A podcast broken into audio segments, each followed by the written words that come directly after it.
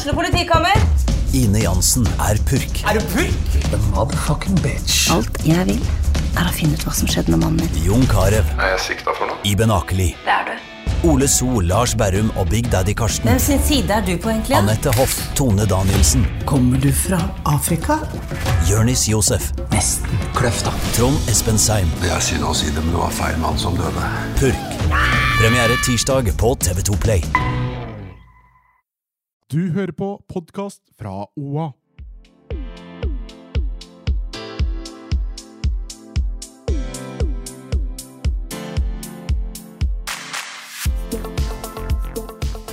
Jeg får mensen snart. Jeg må Puppene har blitt store. Ok, takk for at du skrudde på en ny episode av På ekte med Hanna Barda og meg, Marte. Åssen går det? Det går. Det går. Ja, enig. Litt sånn under midt på treet. Sassy bitches in the Eh, house. Oh my god, i dag har jeg virkelig vært en elver Ja. på en skala fra én til En ti. til ti, ja. ja. ja, men det er høsten, det er været, det er stress. Det har, det har ikke vært en eneste rolig dag siden jeg kom tilbake fra ferien. Oh, you poor thing. Ei, for Du hadde, du hadde ferie for én uke siden. To. Jeg er i andre uke nå. Det føles så lenge. Men det første jeg gjorde når jeg kom tilbake på mandag, var å sjekke flybilletter for neste reise. Da hadde jeg sittet på kontoret i 30 minutter. Jeg bare, Hvor skal vi reise neste gang? Jeg føler den, jeg vil bort sjæl, altså. Ja, ja. jeg Hvordan vil går det det med deg, ja? Skal vi ta oss en lita på ekte tur? Åh, ja. La oss gjøre det nå, før det klikker for meg. Ja, Oi. jeg er med. Ok, men uh, vi kan ta ukas klimaks, så kan jeg egentlig ta det under der. Her kommer spalten Ukas klimaks. Eh, hjernen min er ko-ko, hvis dere ikke visste det. Det visste vi. Det fant jeg ut første dagen jeg traff deg. Ja, jeg er helt kokkeli-munke i hodet og lurer på om jeg skal uh, uh, flytte alene på fjellet og aldri se mennesker igjen. Typ. Ja. At det er liksom Det er der hvor hjernen er om dagen. Er bare sånn eh, La meg bare distansere meg fra hele verden. Ha det.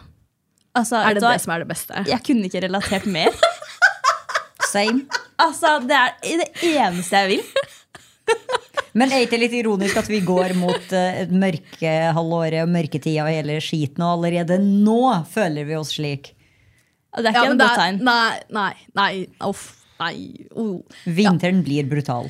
Eh, men det er, det er helt kaos inni skallen her nå om dagen. Um, til og med mer enn vanlig. Uh, men til tross for dette, grunnen til at det her kommer under ukas klimaks for meg, er at jeg har til tross for dette hatt flere klimaks den siste uka. Ikke se rart på meg for om jeg hadde hatt klimaks eh, et par ganger i uka. Det hadde vel vært Jeg greit, Jeg er misunnelig. Ok, men i hvert fall, til tross for at hodet er en uh, spirrevipp, så er um, Likevel så føler jeg meg sjukt bra. Er ikke det paradoksalt? Altså, jeg, jeg føler meg skikkelig fresh og liksom fitt og fin. Men Det er jo digg. Ja! Er ikke det helt rart? At hjernen er ko-ko, så føler jeg meg sånn ah, I'm on top of my game.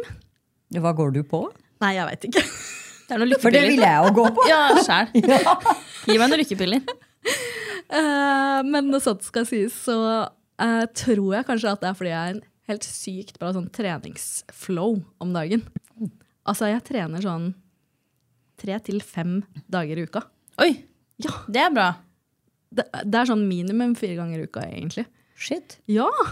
Helt snære. Jeg har ikke hatt en så god flow på trening på mange, mange, mange år.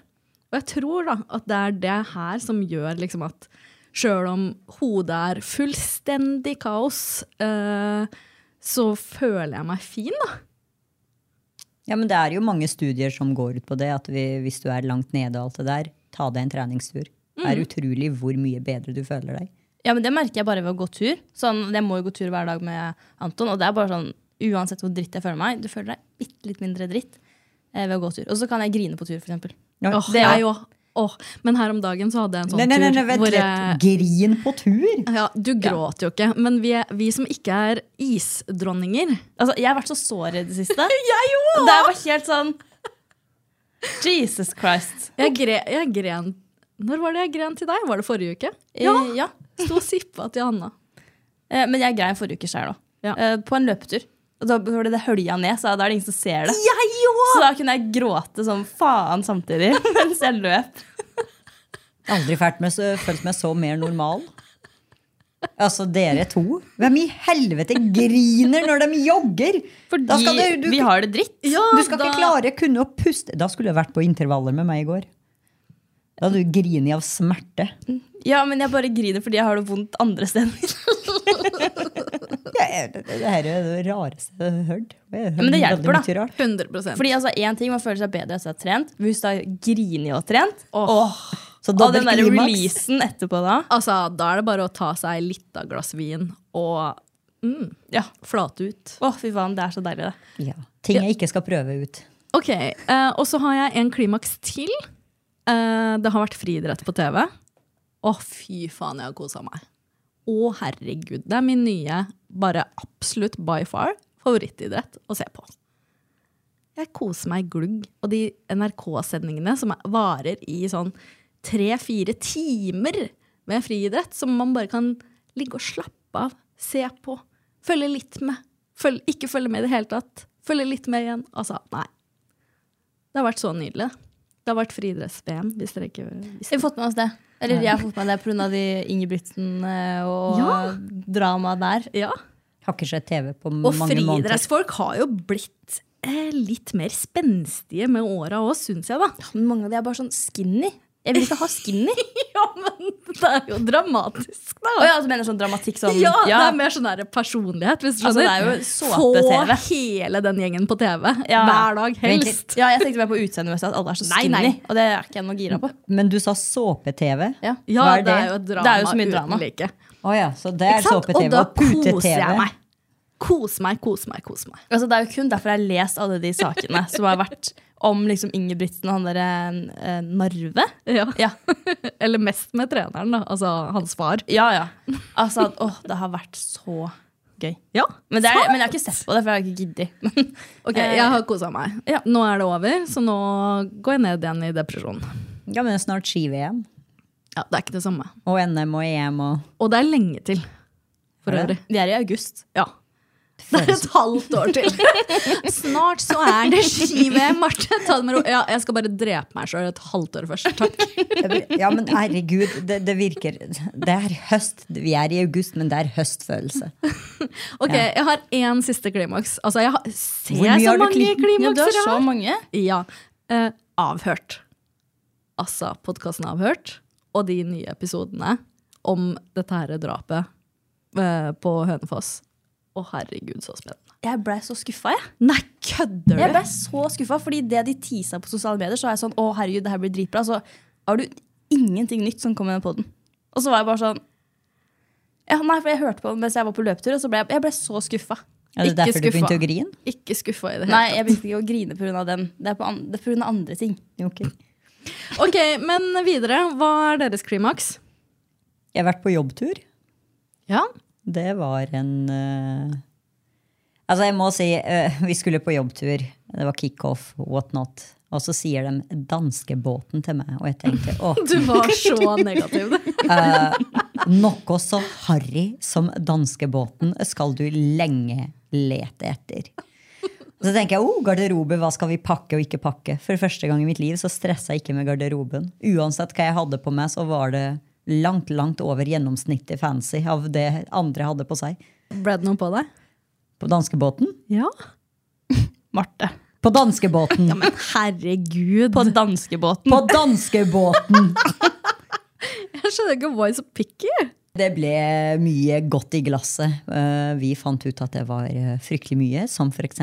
ti forskjellige typer, når vi begynte å telle. At det var vin, både rød, hvit, dessertvin og whatnot. Men det var en veldig fin tur. Stolt av deg, for øvrig. Drikke så mye. Ja, og holdt det ut til kvart på to. Oi! Eh, prøvde tydeligvis å åpne feil lugardør, da. Men det er en helt annen historie. Fant ikke den ene skoen når jeg våkna. Ja, Lurer du nå på hvorfor jeg spør om det blir noe på deg på danskebåten? Altså, Folk er jo ikke i stand til å ta vare på seg sjøl litt engang. Det er jo Plutselig så havner man i full lugar, feil lugar og Nei, men den åpner ikke seg fordi du går liksom Å nei, eh, så full var jeg ikke at jeg hadde havnet under en fyr. Eller over. Eh, Ok, nei. Hanna, ditt klimaks. Ja, jeg løper jo en mil da, for første gang på et par måneder. Assa! Så det var fint å få til det igjen. Bra jobba. eh, I styrtregn. Ja. Med seggregn. Ja. Men ja, Jeg, jeg tar det Jeg gadd ikke hele turen heller, så kan ikke løpe, grine i ti kilometer. Det. Begynte å lure. Hvor mye tårer har du i det? Eh, og Anton og jeg var jo da Jeg har aldri vært så våt. Da jeg kom, for det var, det, det var heftig, heftig styrtregn. Eh, både jeg og Anton klissvåte. Men da var det godt å bare dusje, legge seg på sofaen og slappe av etterpå. Ja, og et annet klimaks. Begynte å se på en ny TV-serie. Eh, Den heter Before the 90 Days. Og ikke med reality. Det høres jævla cheese ut. Og, altså, har dere hørt om 90 Days Fiancé? Nei. Det skjer ikke på reality. reality. jeg vet ikke helt akkurat hva det faktisk er, for jeg har aldri sett det. Men Before the 90 Days er det da par som møtes. Um, og så er det da gjerne par som møtes. Den ene bor i et land i Afrika, den andre bor i USA. Og så møtes de. Um, Ja, har de snakka på forhånd, eller er ja, det bare sånn mange de har satt sammen? Nei, de har vært i et eh, forhold i sju år. På oh, ja, online. med hverandre? Online. Aldri møttes? Aldri møttes. Oi!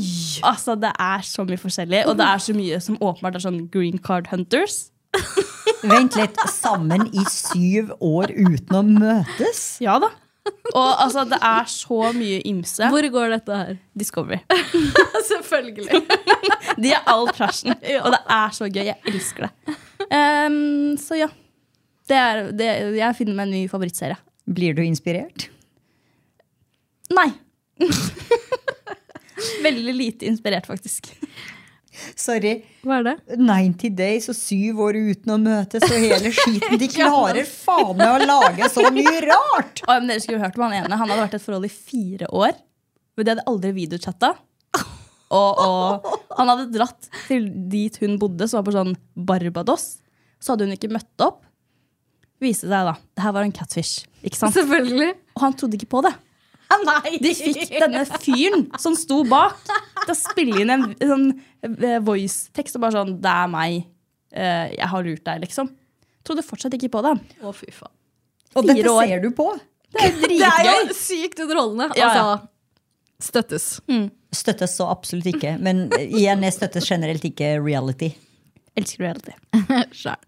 Men de siste ukene så har jo flere kvinnelige journalister eh, kommet med kommentarer på eh, at de har opplevd uønsket karakter av eh, seksuell eh, trakassering mens de har vært på jobb. Og jeg slengte meg jo selvfølgelig på ballen sjøl og skrev en, kom en lita kommentar der. Så i den forbindelse så tenkte jeg at eh, det burde vi snakke litt om denne uka her. Og da eh, er det jo fint at vi kan ha med en ekspert på området. Eh, fordi helt i starten av forrige sesong så snakka vi også litt om seksuell trakassering og voldtekt. Eh, Så jeg tenkte at vi skulle komme oss litt grann videre fra det. Så vi skal ringe opp advokat Ingrid Fladberg Brucker, som har skrevet en bok om seksuell trakassering i arbeidslivet. Det er fint å ta temaet seksuell trakassering et tak videre og inn i, da, i arbeidslivet. Ja. Som jo engasjerer og berører mange. Og i loven, ikke sant? Altså, en advokat veit jo hva, hvor går grensa her. Men det er jo et tema som man aldri blir ferdig snakka om. Ikke sant? Det er alltid høyaktuelt. Ja. Ok, la oss ringe.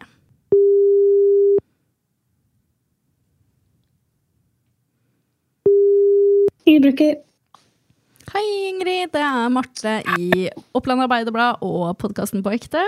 Hei, hei. Hei! Hallo. Det er Barda og Hallo. Hanna som eh, vi har podkasten sammen med. Tusen takk for at du ville være med i podkasten vår på ekte og fortelle litt om det her med seksuell trakassering når man er på jobb. Tusen takk. Det er veldig hyggelig å bli, bli hørt. tenkte at vi kunne starte med at du kunne si litt om hva som var bakgrunnen for at du ville skrive den boka. jeg, som mange andre som jobber med arbeidsrett, vi kommer innom temaet eh, seksuell trakassering, har gjort det i mange år. Men i forbindelse med at metoo ble en veldig aktuell sak, ikke bare i Norge, men internasjonalt, så så vi at eh, denne typen tematikken var noe som veldig mange arbeidsgivere hadde kanskje tatt litt lett på. Så det var eh, Vi så et behov for å lage en oversikt over hvilke regler som gjelder, og gi litt veiledning både til arbeidsgivere, men også til arbeidstakere, med tanke på hva slags rettigheter man har um, i forbindelse med denne type saker. Så da skrev jeg og to da, kollegaer i min tidligere jobb en enkel og praktisk liten sak som var ment å kunne gi litt veiledning. Så utrolig bra. Ja, det er jo en spennende tematikk. Og det var jo, som jeg sa, et tema som ikke veldig mange arbeidsgivere hadde Eh, hatt veldig, kanskje tatt litt lett på, ikke hadde tenkt at det var så veldig aktuelt og praktisk for dem. Så det var en liten vekker det som skjedde i 2017. Og siden den gang så ser vi stadig vekk at det dukker opp nye, nye saker innen samme tematikken. Ikke sant? Er det sånn, Tenker du at uh, vi burde ha lært mer siden uh, metoo kom, eller ser du en, en forbedring? Jeg ser absolutt en forbedring. Jeg tror at man Eh, i større grad har skjønt at vi er eh, mennesker og at det skjer uheldige episoder. At man har blitt mer flinkere til å håndtere en del saker som skjer. Men så er det helt sikkert store variasjoner fra virksomhet til virksomhet også, hvor, eh, hvor lett man tar på denne type tema. Mm. Hvis man opplever seksuell trakassering når man er på jobb, hvilke mm. rettigheter har man, og hva, hva tenker du at man bør gjøre da? Altså, seksuell trakassering er som utgangspunkt forbudt. Og det gjelder både i arbeidslivet og uten arbeidslivet. Det som er litt spesielt i arbeidslivet, er at man eh, ved å utsettes for dette, det påvirker på måte muligheten til faktisk å gjøre jobben din. Mm. Så du, en, du blir utsatt på en litt annen måte. Fordi det går rett inn i eh, muligheten til å gjøre karriere. Det går rett inn i hvor hvordan du har det på jobb, arbeidsmiljøet. Så blir, du kan ikke eh, trekke deg fra samme situasjonen som det du kan gjøre hvis dette skjer utenpå, utenpå en arbeidslivssituasjon. Da. Når det gjelder rettighetene dine, så er det jo man kan dele litt mellom hvilke rettigheter man har overfor den som begår disse handlingene. De som begår disse handlingene, som utsetter deg for eh, den seksuelle trakasseringen, den kan også bli eh, personlig ansvarlig selv. Eh, noen ganger så er det det samme som arbeidsgiver, vil si at arbeidsgiver har et direkte ansvar. Men um, arbeidsgiver også har et eget ansvar for å jobbe for å forebygge og forhindre at trakassering skjer. Så du kan si at den ene siden av spørsmålet ditt knytter seg til hva er det man kan gjøre når eh, man blir utsatt for seksuell trakassering. Mm. Og den andre delen av det er hva arbeidsgiver egentlig på forhånd burde gjort for å forhindre at det oppsto i første omgang. Ikke sant. Men hvem skal man henvise seg til da, hvis det er arbeidsgiver? Hvor skal man gå da? Ja, Hvis det er arbeidsgiver som eh, altså Hvis du opplever dette på jobb, eh, så vil jeg for det første forsøkt å si fra til arbeidsgiver, eller en representant for arbeidsgiver. Det hender det kan være vanskelig å gjøre hvis det f.eks. er den det er naturlig å si fra til, som kanskje også kjenner en person godt som, som har utsatt deg for dette. Eller at man er bekymret for kanskje er det feil av meg å si fra, hvordan er hva skjer, hva blir konsekvensene osv. Det er også mulighet til å si fra, kanskje snakke med verneombud, arbeidsmiljøutvalg, en tillitsvalgt, og så gjøre noen sånne ja, noen sånne samtaler først, å, før du går videre til arbeidsgivers representant. Det spørs veldig på situasjonen. Men generelt vil være det klare rådet at man sier ifra, uh, og at man um, forsøker uh, å si, på en eller annen måte formalisere og skriftliggjøre det man er utsatt for, slik at man får en dokumentasjon og kan vise til historikken litt sånn i etterkant. Um, når, hvis ikke man lykkes da, med å si fra internt, og man ikke tør å si fra internt, så finnes det også muligheter eh, for å si fra til Likestilling- og diskrimineringsnemnda. Der kan man også klage inn saker. Eh, Arbeidstilsynet kan også gi noe veiledning. Og hvis man er fororganisert, så kan det også være nyttig å snakke med Fagforbundet. Ja, for jeg føler at enkelte sånne saker når det er om å bevise at det var trakassering, at det nærmest blir litt ord mot ord. Og jeg har vært i lignende posisjon eller situasjon hvor jeg blir Ja, men var du egentlig ikke litt flørtete? La du ikke opp til, det, til det selv? Og så sitter jeg ikke med den oppfatninga sjøl. Jeg opplevde at det var svært ubehagelig. Men så får du det fra andre kolleger, f.eks. Gjerne ofte menn. Men var ikke du flørtete? Mm. Og da føler jeg meg også at jeg ikke kan gå videre med det. Du føler deg alene. Det, det er veldig lett å føle seg uh, alene. Og når det gjelder seksuell trakassering, så er jo det definert som en uønsket seksuell oppmerksomhet som har til formål eller virkning å være krenkende, skremmende, fiendtlig, nedverdigende, ydmykende eller plagsom. Og det vil si at selv om den som um, har begått den seksuelle trakasseringen, ikke hadde det til hensikt, så betyr ikke det noe hvis det var den virkningen. Så er det likevel en, en terskel for hva man når noen blir ansett som seksuell trakassering. Men hvis man kan vise til at eh, hendelsesforløpet ligger der, så vil fort eh, Det vil være opp til den andre parten også kunne vise til at ikke disse vilkårene er oppfylt. Når går seksuell trakassering over til å bli en straffbar handling som man bør melde fram til politi og ikke bare arbeidsgiver? Det er et veldig godt spørsmål. Det jo, eh, når det gjelder straffebudene, så det er jo de også finnes jo i veldig ulik alvorlighetsgrad, og det gjør også den seksuelle trakasseringen. Sånn sett så er det, det viktig å huske på med det er at Hvis man går til politiet med en sak, så vil det også være opp til politiet å vurdere om man ønsker å ta ut tiltale for å følge saken. Og så er det strengere krav til skyld og strengere krav til bevis.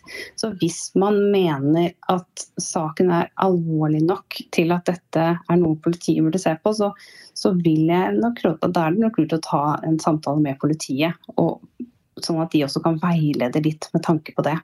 Det som er viktig med tanke på arbeidsgiverrollen eh, og arbeidsgivers ansvar i dette, her, er at selv om en sak anmeldes til politiet, så er det viktig å ikke glemme at man også har et ansvar som arbeidsgiver.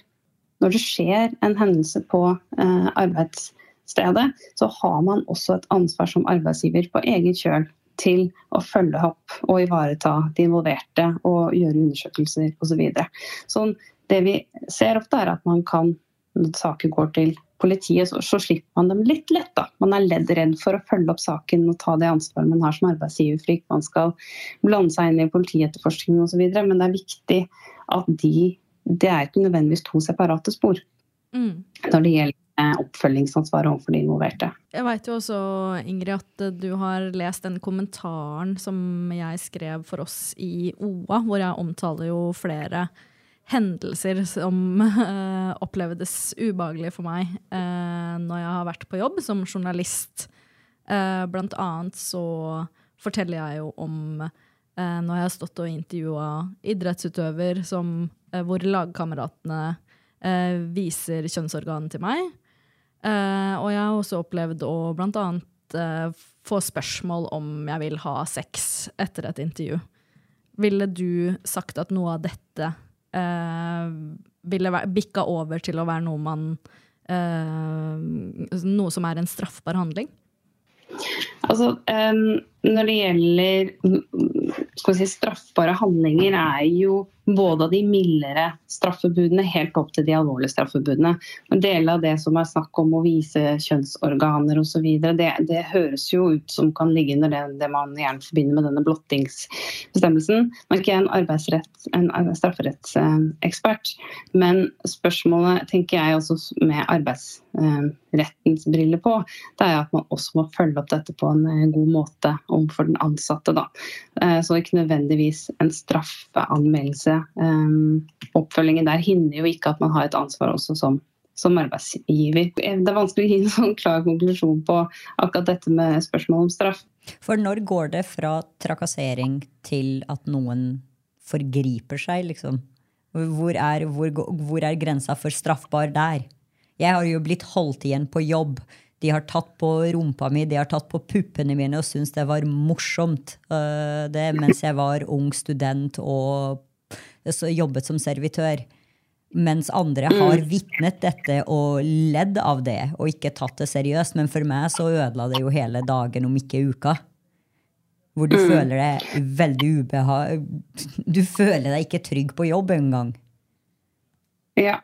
Nei, og, og, og, du kan si det at uh, Jeg er som sagt ikke en strafferettsekspert, men det som uh, Det man beskriver med sånn uh, den type berøring og sånn, det ligger nok innenfor noen av straffebudene i, i straffeloven. Så er jo sånn opp til politiet om det er noe de ønsker å forfølge i et strafferettslig spor. Da. Og da er det jo med strafferetten så har det også strengere både skyldkrav og beviskrav. Eh, så det vil være en vurdering politiet vil måtte ta om dette er noe de, de ønsker å forfølge i et eh, si, strafferettslig spor.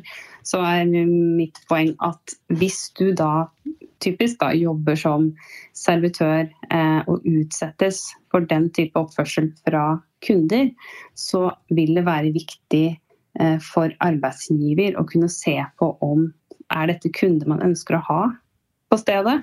Eh, er det ting man kan gjøre for å forhindre at den type oppførsel skjer? Og er det noe man kan gjøre for å ivareta deg i etterkant, sånn at ikke du finner situasjonen så forferdelig at du, du, ikke ønsker å gå på jobb igjen. Men jeg tør å påstå at det fins ikke en kvinne der ute som ikke har blitt utsatt for en eller annen slags form for seksuell trakassering. Men at vi er i den der sårbare situasjonen hvor du heller hysjer deg. Du tar med dere ubehagelig hjem. Du diskuterer det med en venn eller med en samboer, eller whatnot, men du går ikke videre med det. For det kommer alltid til dere å bli trodd-argumentet. Og punktet hvor det plutselig stilles spørsmål, og du, du tenker 'jeg skulle bare holdt kjeft'. Men også litt det med trygghet, da, som du nevnte, Bård. Ja. Er det arbeidsgivers ansvar at man skal føle seg trygg på jobb? Er det noe som på en måte er eh, hjemla noe sted? Altså, arbeidsgiver skal sørge for at du har et forsvarlig arbeidsmiljø. Det er det ene. Og så har arbeidsgiver et plikt til å forebygge at eh, seksuell trakassering skjer. Det betyr at de, de, kan jo ikke med 100% sikkerhet forhindre at det skjer, men man skal organisere og tilrettelegge arbeidet slik at man eh, ikke blir utsatt for dette. Og i en sånn vurdering så skal det gjøres en såkalt risikovurdering. Da må man se på er det elementer ved arbeidsforholdet som gjør at risikoen er høy for at man utsettes for dette. Det er det ene. Finnes det rutiner som gjør at hvis det skjer, så vet den ansatte hvor man skal gå? Og uh, hvor kan ansatte da henvende seg også i konkrete situasjoner? Uh, og noe av det, Jeg kan si litt om hva som er sånn typiske um, risikomomenter. Da. Ja, det kan jo være greit ha med seg. Og det er jo noen av de bransjene vi ser er utsatt. Det er jo gjerne helse og omsorg, overnatting og servering. Eh, og det er typisk da eh, gjerne yngre kvinner, eh, ofte ansatte i usikre stillinger, altså midlertidig ansatte. De som kanskje er relativt ferske, kanskje de er sånn type trainee-stillinger. Og det vil også ser, altså det, de undersøkelsene som er gjort, um, det er der man har en jobb hvor man har en tett kontakt med uh, tredjepersoner. Altså kunder, brukere, pasienter. Og det er jo litt det jeg ser at den uh, kommentaren også dreier seg om. Man ser mm. også at det forsterkes at man er alene på jobb. Man er i en situasjon hvor man gjør en jobb alene. Og så kommer man ikke unna at ofte så er det alkohol, involvert. Eh, sosiale situasjoner, disse julebordene og sommerfestene, de, de er jo en, en, gjenganger når man snakker om dette her. Um, og også, som sagt, man er i situasjoner hvor man kanskje ikke kjenner rettighetene sine, eller man er redd for hva som kan skje hvis man eh, sier fra. Mm. Så man bør jo som arbeidsgiver da se på virksomheten sin og tenke er det en maktasymmetri her? Som er det enkelte ansatte som er mer utsatt enn andre, og så se om det er noe man kan gjøre for å, for å forebygge dette. Og når det gjelder det å hindre at det skjer, så betyr det at hvis arbeidsgiver får vite om dette, så skal man iverksette tiltak for å hindre, altså få det til å opphøre, altså få det til å stanse. Det er det andre. Um, og så er det forskjellig da, i hvilken grad det, det går an, uh, og hvilken grad man kan få grepet inn. Men det er i utgangspunktet arbeidsgivers oppgave å finne ut av hva, man, eh, hva kan gjøres da, for å imøtegå eh, disse hendelsene. Ikke sant. Har du noen eksempler på noen som har blitt dømt for å ikke ivareta eh, de ansatte i forhold til det her med seksuell trakassering på jobb? Eh, ja, eh, det er jo ikke vært veldig mange dommer som handler om dette. Eh, fordi, litt som dere også har vært inne på, dette er jo en tematikk det kan være vanskelig å si fra om. Det kan være vanskelig å ha nok bevis for hva som har skjedd. Og man kan tenke at det å sette i gang en sånn sak, det, det vil være kanskje en tøff kamp å ta. Men vi har hatt én sak for Høyesterett fra 2020 hvor det var en ansatt som ble som da var en sånn ung eh, lærling som var utsatt for seksuell trakassering fra to kunder. Ja. Og eh, Saken har interessant av to grunner. Den omhandler litt nedre terskelen, altså hva skal til for å bli Hva er seksuell trakassering? Men også hva er det arbeidsgivers ansvar der dette skjer fra andre. Så det ble vurdert å være seksuell trakassering eh, selv om det var kundene som gikk dette, og ikke noen av arbeidsgivers egne ansatte. Eh, og den saken er jo kompleks og har eh, mange, mange detaljer i seg, men mm. kjernen var at arbeidsgiver ble, ble erstatningsansvarlig for å ikke ha gjort nok for å for å stanse dette da det skjedde.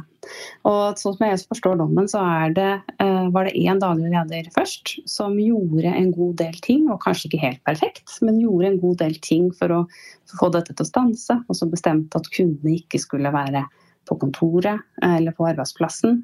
Um, og så kom det en ny daglig leder som, som ga uttrykk for at uh, dette kan da ikke være så farlig, og slapp disse kundene inn igjen.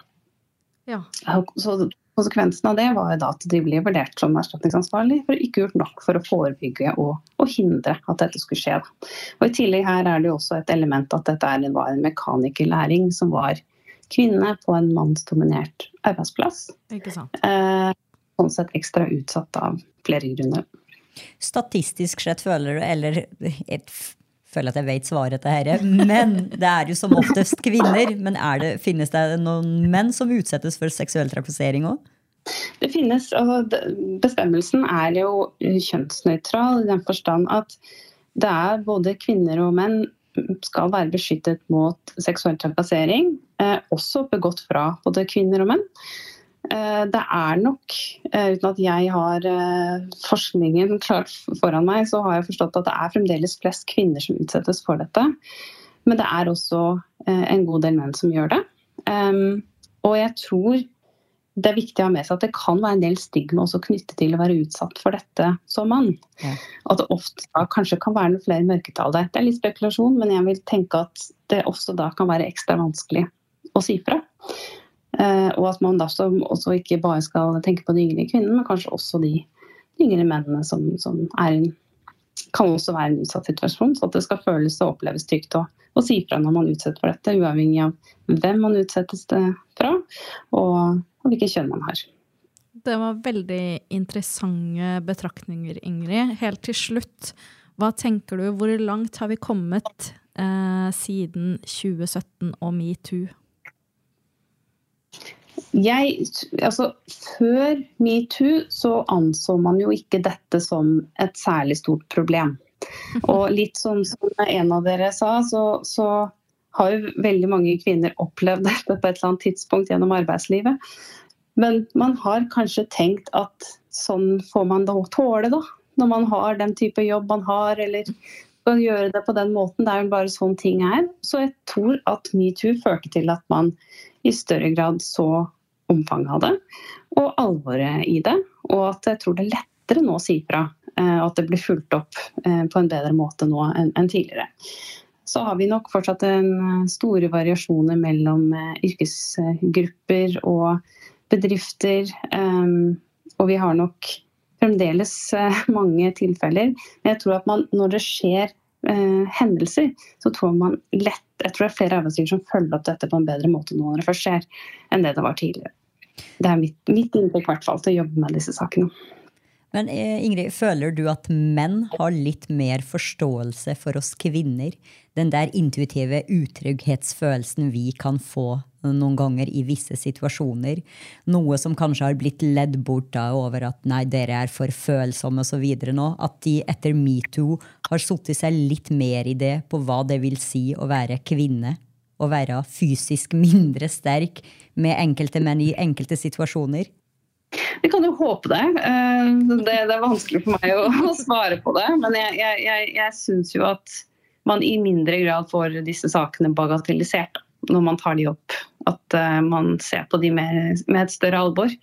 Om det betyr at flere mannlige ledere da, som måte kjenner, kjenner dette og forstår dette i større grad, det skal jeg ikke tørre å, å mene noe om. Men, men uh, det tas i hvert fall på større alvor nå, er inntrykket mitt. Det er jo litt betryggende. At det fins håp. ok, tusen, tusen hjertelig takk for at du ble med oss, Ingrid. Vi har fått eh, mye bra ny innsikt om det her temaet nå. Det er bare hyggelig å bidra. ok, vi snakkes. Det vi. Ha det. Ha det. Ja. Det var mye uh, Mye greier, holdt jeg på å si. Altså sånn dette må jeg hjem og fordøye. Ja, Enig. Fy faen. Åh, For en smart dame. Ja. Rå dame. Jeg, jeg, jeg ønske, altså, jeg har... ja, ja, Gåsehud. Ja. Oh, jeg skulle ønske at jeg var så, bare sånn, så sykt dyktig i noe. Så jævlig sånn power lady. Ja! Oh. Oh. Forbilde. Ja. Rett og slett. Shit, ass. Men tenk å liksom Ja, sånn som hun, da, som er advokat, og så kommer metoo, og så bare Nei, fader, det her skal jeg skrive bok om. Og bare åh, takk. Altså, takk jo, for at det ja. finnes sånne kvinner. Hun kjemper for alle oss, liksom. Ja. Jeg var jo på kickoffen under middagen så kom opp en episode som jeg har vært utsatt på i arbeid. Ikke av kolleger eller noen ting, men utenfra. Uh, og så kommer det opp, og da sitter det en mann der, en kollega av meg, som sier 'Jeg er så glad metoo kom'.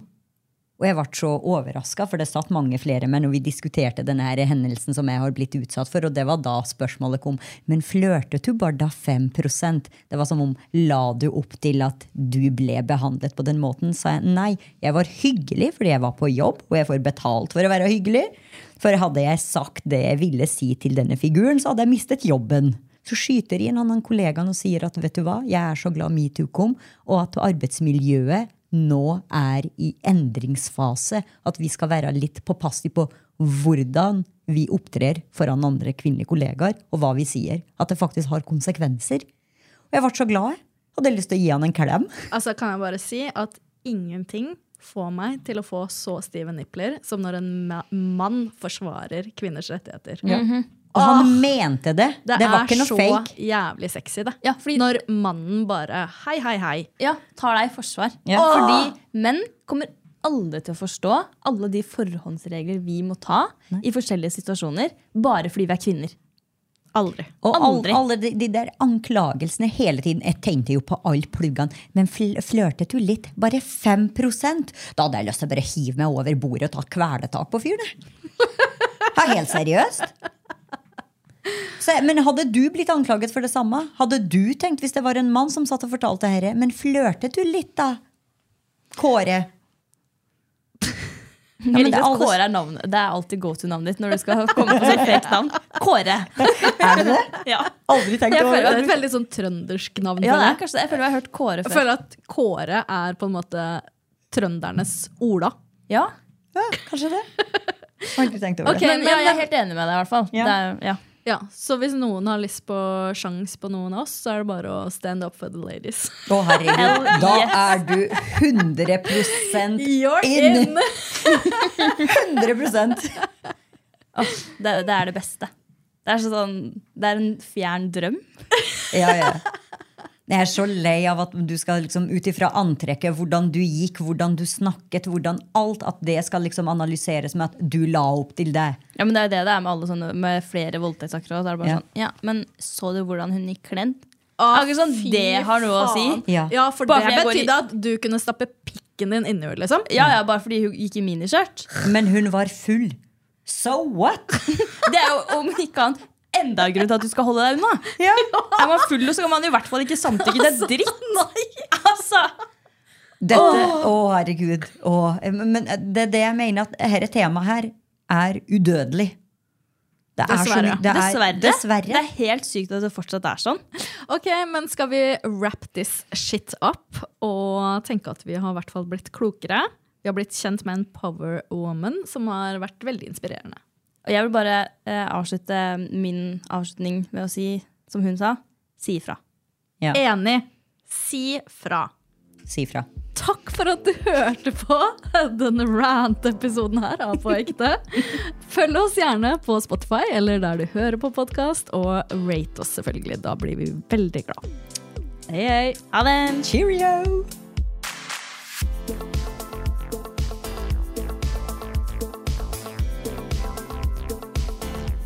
Du har hørt en podkast fra OA. Ansvarlig redaktør Erik Sønsli. Har du et enkeltpersonforetak eller en liten bedrift? Da er du sikkert lei av å høre meg snakke om hvor enkelt det er med kvitteringer og bilag i fiken, så vi eh, gir oss her, vi. Fordi vi liker enkelt. Fiken superenkelt regnskap.